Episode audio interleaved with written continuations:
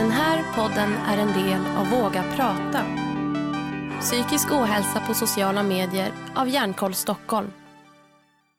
Hej och välkomna till podden Våga prata. Mitt namn är Nathalie Sundberg och jag sitter här med Homan Sebgati. Hej! Hallå! Hur känns det att sitta här idag? Det känns bra. Vi, Mhm. vi har te i oss, vi har kaffe i oss. Vatten vi, också. vi, vatten. Vi är redo. Yes, det Mm. är vi. Mm. Och eh, Du är här för att prata om Mm, rasism eh, och eh, psykisk ohälsa. Jättekul. Separat Och, och kombinerat. precis, jätteintressant att Mm. du eh, vill vara här idag och berätta för att eh, det är också en jättestor del som finns runt om i samhället. Alltså det, är ju, det finns i vår vardag överallt. Mm. Så att det är jättebra att lyfta upp det. Mm. Så att skitkul att ha det här. Tack. Tack. Yes. Så vad, vem är du och vad gör du? Jag är-. Jag är musiker ehm, och eh, kulturarbetare och sen sex år sedan eh, legitimerad gymnasielärare. Mm. Eh, så jag börjar få det här när jag typ går runt på stan. Hej, det är du ju! Typ, du är min gamla lärare. Det fick jag inte förut. Men jag, jag höll på med hiphop, eh, har jag gjort sedan slutet av 90-talet. Och sen så skolade jag om mig. Liksom. Eh, men eh, kulturarbetare också. Vad gör Eh. man när man är kulturarbetare? Man eh, skriver manus, man skådespelar. Det har jag också gjort. Alltså jag har gjort det. Jag hade ju kunnat måla tavlor men jag kan inte rita. Så jag skapar en hel del. Eh, Mm. Jag har jobbat på Sveriges Radio har jag gjort. Mm. Och jag kulturproducerar också nu det här året. Eh, Mm. Mina egna, min egen turné och mina egna grejer. Och, ehm, eh, där jag spelar eh, och dramatiserar på stora scener för eh, skolungdomar och deras lärare. Och sen på eftermiddagarna utbildar jag deras lärare. Då skickar vi hem ungdomarna och då har vi kvar deras lärare och utbildar dem kring hur rasism i skolan fungerar. Och Mm. det, är ett, det är ett samarbete mellan olika här, statliga myndigheter och näringslivet. Shit vad kul. Mm. Verkligen. Aha. Ja. Och det är lite det du ska prata om idag i koppling till det här det du arbetar med idag. Just Ja, ja, rasism. ja i- precis. Eh, eh, tack för att jag fick komma, eller tack för att jag får vara här. Liksom. Eh, det är, ehm, jag ser kopplingen och i vår föreställning så har vi, har vi en hel del som rör psykisk ohälsa. Ehm, eh, och i min konst har det genom åren funnits en hel del eh, vad det kom, alltså som rör psykisk ohälsa. Jag, jag känner nog också, att typ, många människor som håller på med konst och som uttrycker sig, eh, musiker, kan vara väldigt sköra och Mm. ha, har liksom på många sätt, så här, de kan ha diagnoser och sånt där. Jag föll, i, föll in i den kategorin men visste inte om att de här diagnoserna fanns när jag började göra musik. Eh, det fanns inte riktigt den hjälpen när, när jag kom upp och när jag formades från ung person till gammal eller till vuxen. Så, Mm. ja. Då har du upplevt en del själv och även fått egna diagnoser. Eh, ja, det har jag. Jag samlar på dem, brukar jag säga. Eh, ja, alltså diagnoserna i sig är ju inte, är ju inte fokuset eller målet. Så typ, nu har jag den här diagnosen och jag är den här diagnosen eller jag ska döpa mitt album till den här diagnosen eller jag ska tatuera in den här diagnosen. Utan det är ju processen med att jobba med sig själv som är fokuset. Och då kan ju folk de kan ju alltså, benämna det till vad som helst men det är ju, det, huvudsaken är att man får hjälp. Precis. Eh, men, men jag tycker inte att det ska få ta över hela ens existens. Liksom. Men, Nej. men förlåt, vad sa du? Eh, fortsätt. Nej, men det var det jag tänkte komma till. Men hela grunden i, i det här är ju en utvecklan. Alltså att utveckla sig själv, förstå sig själv, lära sig av sig själv eh, för att kunna förhålla sig till sin omvärld eh, och röra sig vidare. Ja, och förhålla sig till sig själv. Ja, jo, men precis. Det börjar där, tänker jag. Ja, och sen, är det, sen finns det ju också det finns ett generationsgap. Och vi har en generation, den första generationen nu, som växer upp i, i eh, med typ normen om att eh, man duger. Och att man inte ska ha skuld och man ska liksom inte, man ska inte skuldbeläggas för saker. Och, Eh, vi börjar komma längre och längre bort från typ lagen om att aga inte Mm. Alltså, du vet, att, att, att, att, att, att aga barn inte är olagligt, att homosexualitet inte är olagligt. Vi, vi kommer bort från ehm, just den här, den här premissen att, att, att, man, att det är något fel på en om, om man söker psykisk eh, alltså hjälp för psyk överhuvudtaget. Mm. Och där finns det en, en skillnad på de som föll mellan stolarna eller de som föll av stolen helt och hållet som kommer från min generation och den här nya generationen där, där det finns hjälp att tillgå. Ehm, speciellt genom så här, landsti alltså, landstinget och genom typ så här, alltså, Mm. Jo men Alltså, precis, det ser ju helt ja, annorlunda ja. ut idag än vad det Ja. gjorde eh, Jag vet inte vilket år du pratar omkring när det började för dig och du upptäckte hur, hur det var. Mm. När du berättar om hur det var förr och nu.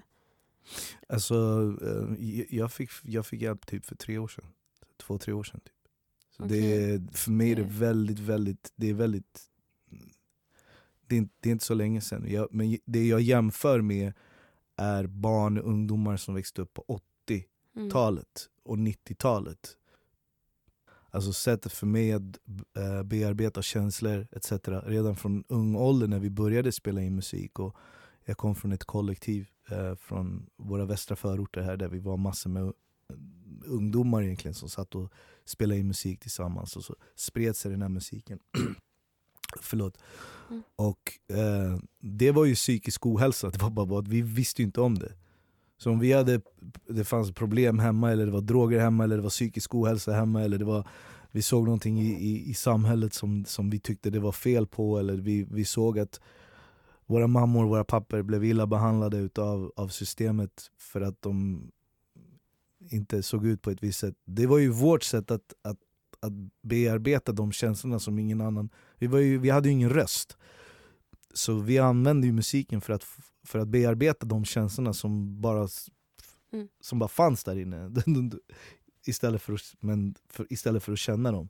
Nu så har jag ju förstått liksom när, jag, att, när jag blivit äldre att det, det, det funkar inte så. Jag kan inte bara göra musik för att få ut mina känslor. Jag måste ju bearbeta mina egna känslor som en vuxen människa också. Så att eh, det är en del av det. Sen så finns det ju också, ehm, och det, jag tror att det är liksom, om man säger, ehm, det att bearbeta typ rasismen i samhället. Och det är också känslor kring det, men det är ju också, ehm, det är inte bara känslor, det är faktiskt fakta, det är vetenskap har man ju lärt sig nu efteråt. Mm. Det dealade vi med också i musiken då. Och det tar vi också upp nu på scenen. Eh, på tal om känslor, psykisk ohälsa och liksom det här med orten och Aha. Eh, rasism är att vi var under Almedalen, vi har ett projekt Våga prata. Eh, då var vi i Almedalen, jag och två kollegor och följde olika, var med i paneldebatter och följde olika liksom, eh, föreläsningar och sånt där. Och då träffade ju vi eh, ett radioföretag, jag tänker inte säga vilket, men eh, som då eh, skulle ha ett samtal med liksom om machokulturen. Mm. Och då hade man ju gärna de här liksom killarna från förorten.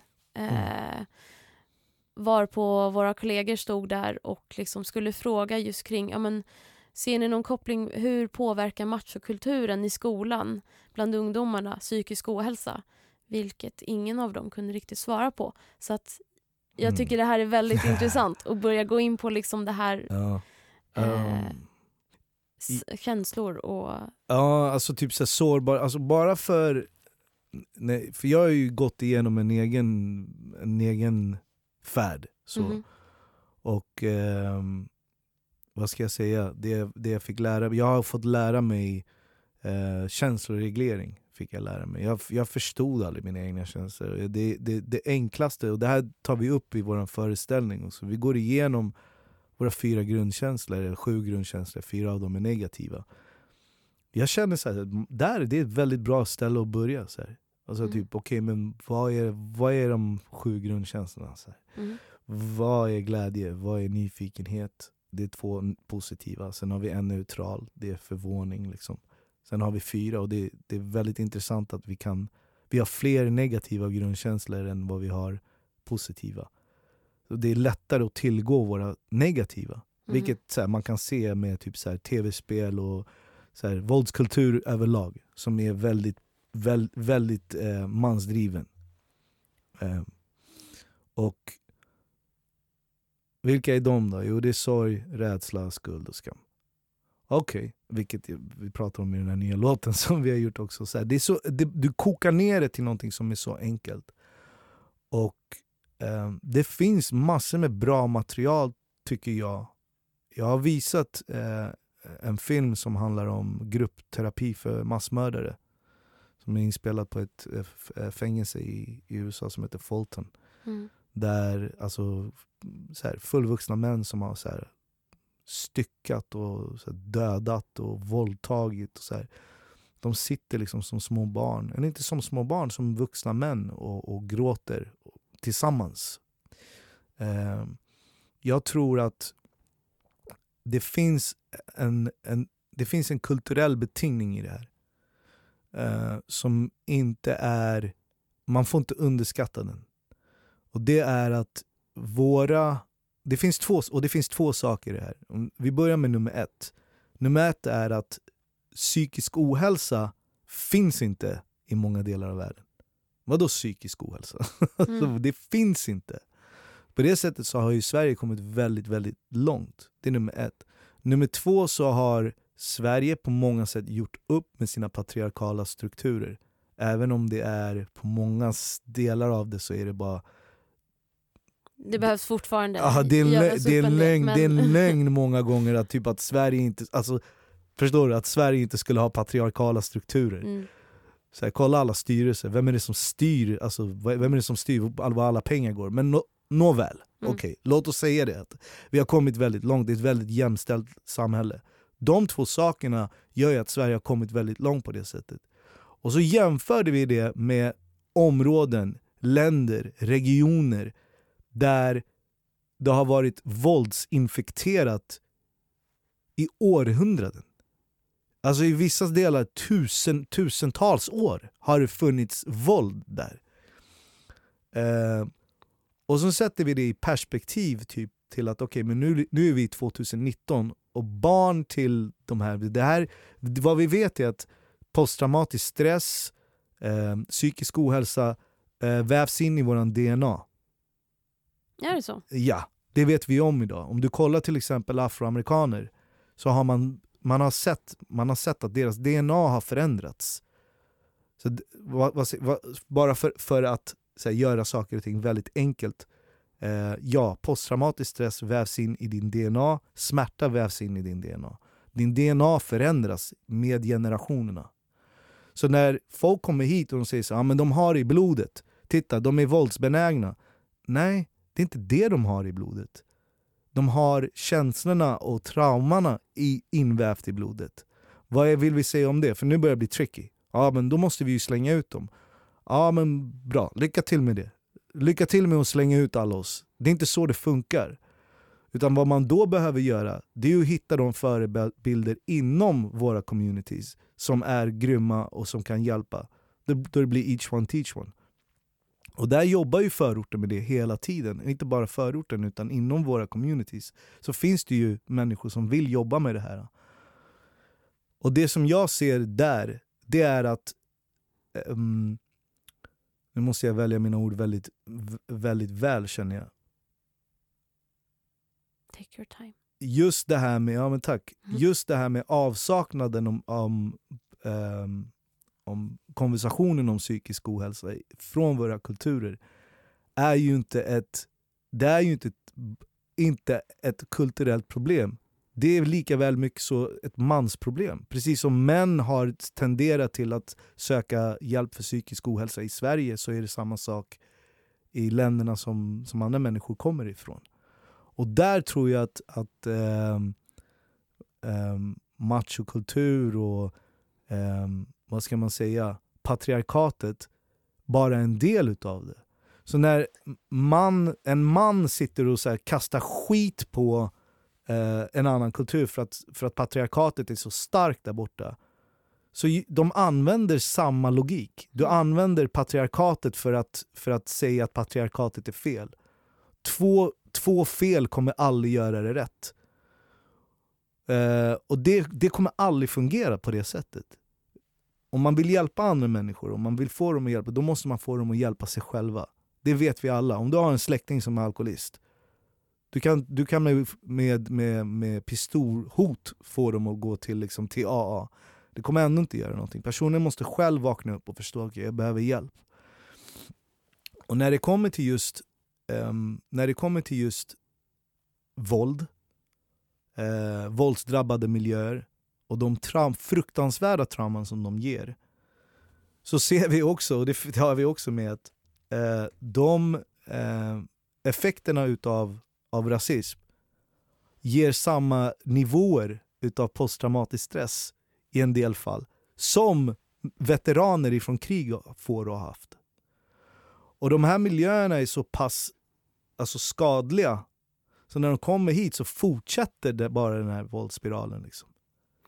Precis. Så. Då tänker jag, i och med att du riktar dig när du går ut både till ungdomar men också framförallt lärare, mm. att, att lärare då ska kunna ha det här i, i eh, vetskap. Att mm. kunna bemöta mm. ungdomar och, och liksom förstå hur, hur det kan vara att komma och ha det här i bakgrunden, ha det i sin historia. Att det kan mm. också påverka. Ja, alltså jag, jag är själv från en... Från, jag, jag ska inte säga att jag är från en supervåldsam miljö, men man har ju, man har ju, man har ju fått uppleva våld genom, genom alla år. Och någonting som jag har märkt och som jag helhjärtat tror på. Det var länge som jag trodde typ att vi behövde alfa ut och vi behövde mer åtstramning och du vet, så här, man behöver eh, bemöta unga killar som, som som är hårda. Man behöver bemöta dem med, med, med, med, med, med mera, alltså med mera våld. Mm. Eh, vilket många förespråkar. Jag skulle nog säga att det, jag tror inte på det. Jag tror verkligen inte på det. Jag tror heller inte, om jag ska vara riktigt ärlig, att akademisk så här, utbildning, att någon som har, så, att, som har så djupa trauman att de kan koncentrera sig. Så akademi, alltså akademin vad ska jag säga, skolan, att läsa och skriva är inte synonymt med trauman. Du kan inte göra de två sakerna samtidigt. Men du behöver få hjälp. Och jag tror att det är det som, är, det är det som skolan nu kan hjälpas, man kan hjälpas åt. Och jag tror att eh, skolan kan, kan börja se de här sakerna. För många av de här eleverna har fortfarande skolplikt. Många av de här eleverna vill vara kvar de går på sina lektioner men de sitter där och du vet, faller mellan stolarna. Och istället bara för att chasa bort dem då så kan man försöka chasa in dem och bemöta Precis. dem med, med just det här med typ känsloreglering och eh, en, en, en, tydlig syn om, om vad typ rasism handlar om. Typ så. Så mm. ja. ja. Så jag tänker Homan, om, om du skulle träffa dig själv som 18-åring mitt i allt det här, vad skulle du säga till dig själv? Jag skulle säga att det som du Homan upplever är delvis du är produkten av dina föräldrar. Du kommer stöta på jättestora eh, bergstoppar som du måste ta dig över på grund av var du kommer ifrån och vad du heter. Det är nummer ett. Men nummer två så har du en rätt brokig bakgrund där du har fått uppleva saker som ett barn inte behö ska behöva uppleva. Och det är inte ditt fel. Och om du inte stannar i de känslorna och pratar om vad som har hänt dig så kommer du rymma från de känslorna som ligger och bubblar i ditt undermedvetna. Och undermedvetna är sånt som du inte tänker på, men som hela tiden finns där. Det är som en dörr som liksom går in och öppnas och stängs hela tiden, den står på glänt. Um, och de känslorna som, som de de här minnena ger dig, för det är minnen som du känner, de gör jätteont. Men om du fortsätter bara att stanna i dem, och stannar i dem ett litet tag till, är du kvar i dem? Stanna lite längre. Gör det ont? Bra. Stanna där. Det kommer inte hända något. Att känna en känsla, att vara kvar i en känsla som man vill fly ifrån, det är inte farligt. Och när du väl har stannat i den så pass länge så kommer det hända någonting. Och det som händer är att den börjar trubbas av. Känslan kommer domnas av, den kommer bli mildare och mildare. Och till slut så gör den inte ont längre. Det som händer är att minnet består, men känslan trubbas av. Och då kan man titta på minnet och bara hmm, vad intressant. Man behöver inte värdera det, man behöver liksom inte bli glad över minnet för det är någonstans så var, gjorde det ont från början. Men man behöver inte fortsätta ha ont. Man kan liksom titta som jag, typ, nu håller jag en liksom, kopp här. Bara, ja, men typ, nu betraktar jag den här koppen.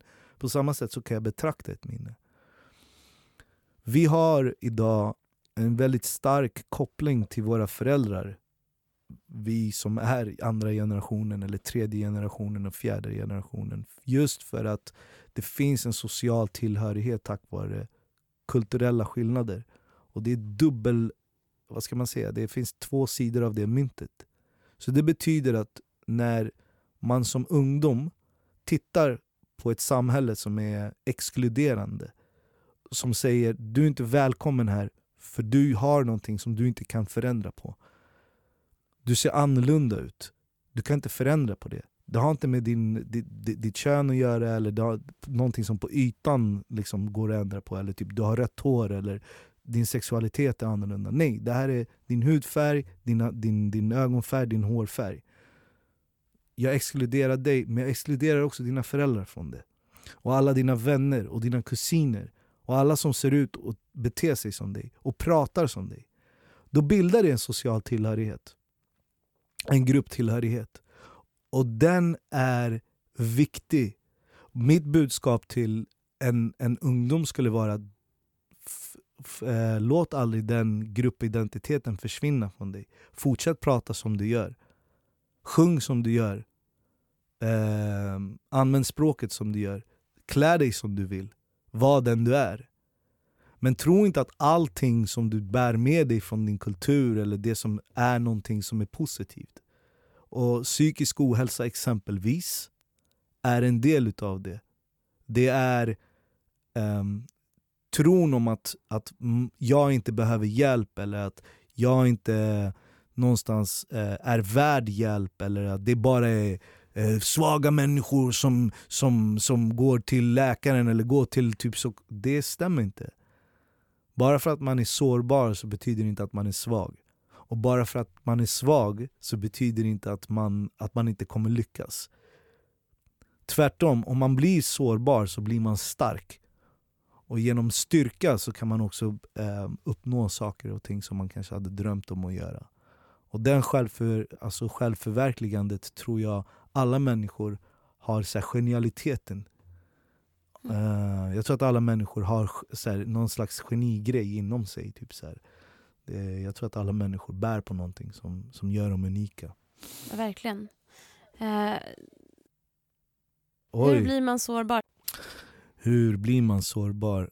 Man, uh, man, först, man, man tittar på sig själv och ställer sig frågan om man är värd Ehm, um, och det där var en så bra fråga. Hur blir man sårbar? Men till att börja med så jag tror att den är felställd. Förlåt. Jag tror att det vi behöver, hur märker man att man är sårbar? För alla människor är sårbara. Det finns inte någon människa på den här planeten som inte är sårbar. Jag menar, nämn en människa som du tror är sårbar. Ingen är superhjälte. Ingen har eh, inte sårbarhet. Så jag tror att det handlar mer om att förstå här, hur vaknar jag upp till sanningen att alla människor är sårbara? Och vad skulle, vad i hela friden, eller om vi nu ska ta det lite längre och säga vad i hela helvetet skulle göra mig speciell och få mig att tro att jag är speciell nog att inte vara sårbar. Vem tror du att du är? Ja, men det, ja. Om vi vänder på ja, det. Ja, Förstår du? Verkligen. Så här, om, du? Om det är så, varför tror du att du inte är sårbar? Ja, men, nej, nej, men, det är bara, man jag vet vuxna män som är 40-50 år gamla. De kan, de, kan inte ens, de kan inte få tvätttiden att gå ihop. Det, det, är, liksom, det, det är på den nivån. Och, eh, där är sårbarhet den första regeln. Ey, man ska inte vara sårbar. Okej, okay. och så tänk, kollar man alla de människorna som levde efter det, vad de är idag. Mm. Så den kategorin Hur de människor. komma med det liksom? Nej, men det, det, nej, men många av dem eh, sitter på psyken, de sitter på fängelse. De har sam, det, det, det är ett likadant Mm. tänk. Liksom. Det är det jag tänker, vi alla är människor. Vi Mm. behöver inte... För det är lite så det har sett ut väldigt mycket tidigare. Att det här som Mm. finns inom oss, det ska, inte, det ska inte få utlopp för. Vi ska vara perfekta, vi ska vara på det här sättet, det ska vara så här. Ja. Men vi trycker undan naturliga alltså, egenskaper som vi har. Att vara sårbar är naturligt, det finns hos Mm. alla. Och Det tycker jag är jätte... Det är så fint när du lyfter upp det just det här med eh, när du pratar med dig själv, att det är okej att Ja. vara det. Att Ja. alla är det, det är naturligt. Ja. Och när man först kommer till det, att man, man inser jag är sårbar på det här sättet. Eller jag, Mm. har, jag mår dåligt över det här, det här och det här är jobbigt. Att, att acceptera det, men det drar inte ner värdet av dig som Nej. person. Eller hur du är, eller vem du är. Utan det är liksom... Första gången som jag någon förstod, det var ju liksom så här, um, det var på den här PTSD ehm, behandlingen som jag var på. Jag gick via, fick först en diagnos som jag inte riktigt trodde på. Eh, sån här, eh, vad kallas det för? Ja men ADHD och sånt där. Jag tror inte ens på det, men det, det var det som vi pratade om där. Som, men jag fick en känsloregleringskurs där och det var då jag upptäckte typ att okej men eh, jag får av landstinget en så här hel kurs som varar typ i fyra månader. Så det här är typ som 15 poängskurs på universitetet och den handlar om mig. Alltså det här är, jag får det här av landstinget, det är ju helt sjukt. Och de här människorna sitter och så här gör research på mig. Du vet. De ringer så här gamla kuratorer och pratar med socialtjänsten för typ så här 20 år sedan. Alltså, det är ju det är ju arbetstid. Och allt är en investering i mig, Homan. Så här, wow, det här är hur fett som helst. Och sen så skrev de in mig så fick jag komma in på den här eh, känsloregleringskursen där jag fick lära mig om de här, ja, men de här grundkänslorna. Så här, hur, och de, det var väldigt så här, det är enkelt nedbrutet. Och sen i slutet på den här då, då, började de, då var det en psykolog som,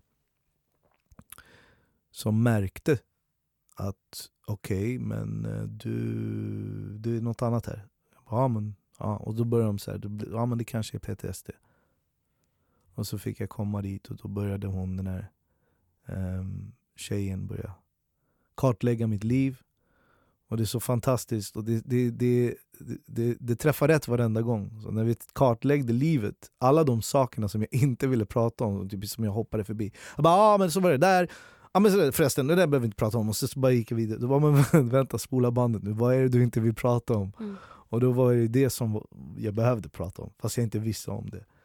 Eh, och ehm, hon arbetade på ett sätt där eh, jag fick spela in var, det som Varje hade... session. Liksom. Ja precis, nöta varje grej så och så ta hem det så tre, fyra sessioner på varje och så spela in det, lyssna på det och sen så komma tillbaka.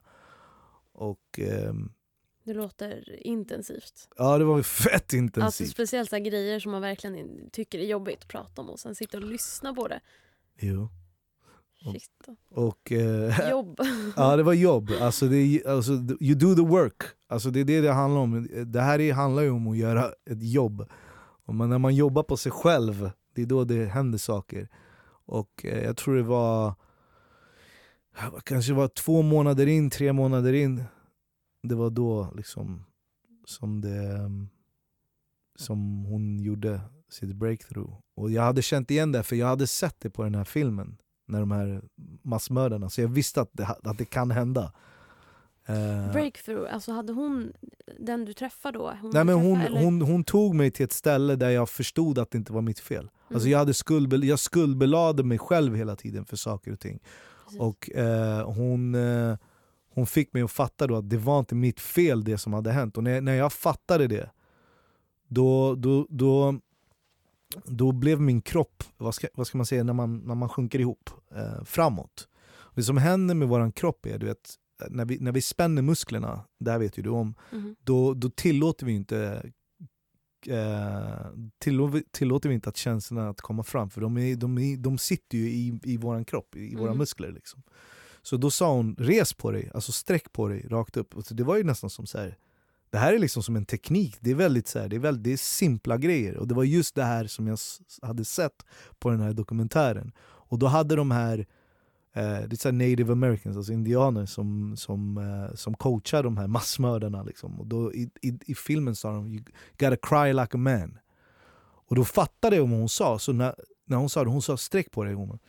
Så när jag sträckte på mig så här då helt plötsligt då, då började jag hyperventilera och sen helt plötsligt kom det. Och då, då grät jag. Jag grät i typ kanske en kvart. Eh, och det var som om att eh, det var så gammalt vatten. Alltså mina tårar var gammalt vatten som hade sutt, alltså som hade legat där de hade, länge som helst. Liksom. Precis, de, precis, det var ett vatten som hade liksom legat i mitt bröst i 27 år. För det hände när jag var 15 och jag är 42.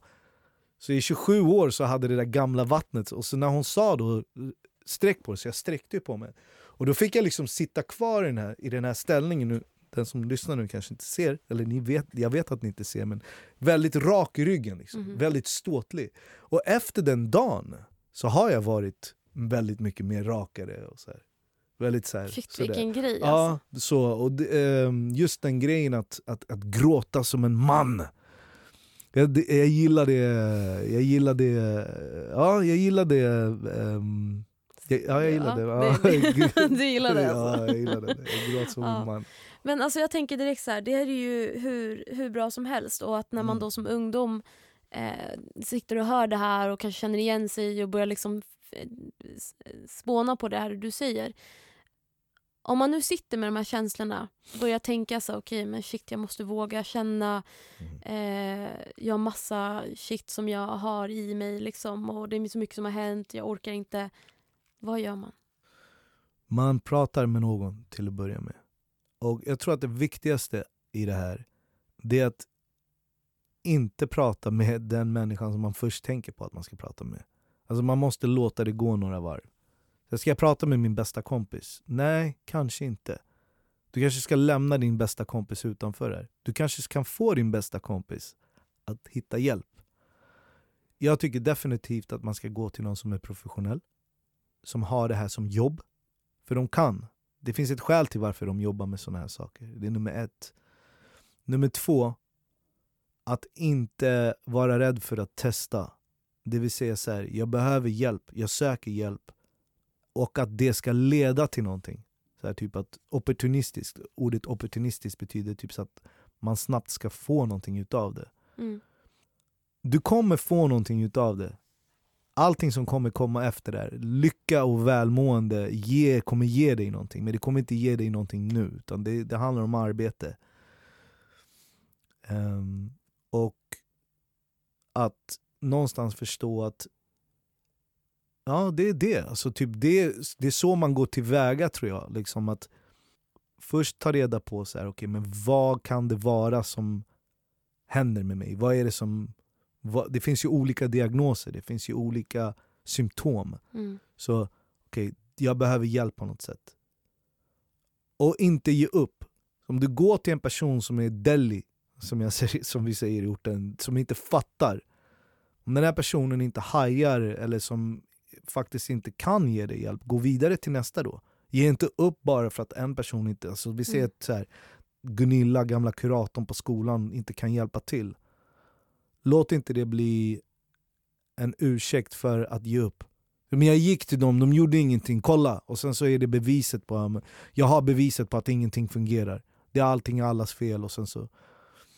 Det, ingenting är värt nog att att eh, må dåligt över för att bevisa att, att världen är mm. en dålig plats att leva i. Vi vet alla att eh, världen det är så. Kan, ja, det mm. är så. Eh, livet är väldigt, väldigt, väldigt, väldigt, väldigt strängt. Eh, och det handlar inte om att göra det enkelt, utan det handlar om att hitta metoder för att eh, göra den hårda processen enk enklare. Mm. Och eh, att förstå att man inte är ensam. Och att någonstans så handlar det om att, att, att börja med sig själv också. Uh, ja, jag tänker jag. Det, alltså det är så himla... Just det här med att ha... Eh, för det vet jag utifrån mig själv, mm. att jag kan lätt hamna i att jag vill att saker löser sig nu. Mm. eh, jag har en idé, jag har ett problem och jag vill ha hjälp nu. Alltså jag vill att det visar sig nu. Men det är jättebra att man, man har det i åtanke just att det är en process. Och jag kan känna liksom så här, nej jag pallar inte, det, jag orkar inte mer. Mm. Det är för långt, det är jättejobbigt. Eller att man, eh, eh, att man liksom dras för det där. Eh, men att man ändå bara så här, vet att jag kommer inte komma över på andra sidan förrän jag har gått igenom det här. Um, Jag tror, förlåt, men när du säger sådär också, jag tror att den andra sidan som vi, som vi pratar om, vi är så, jag tror att vi är så väldigt, um, vi är väldigt, vi har väldigt bråttom att ta oss dit fastän vi inte vet vad det är för något.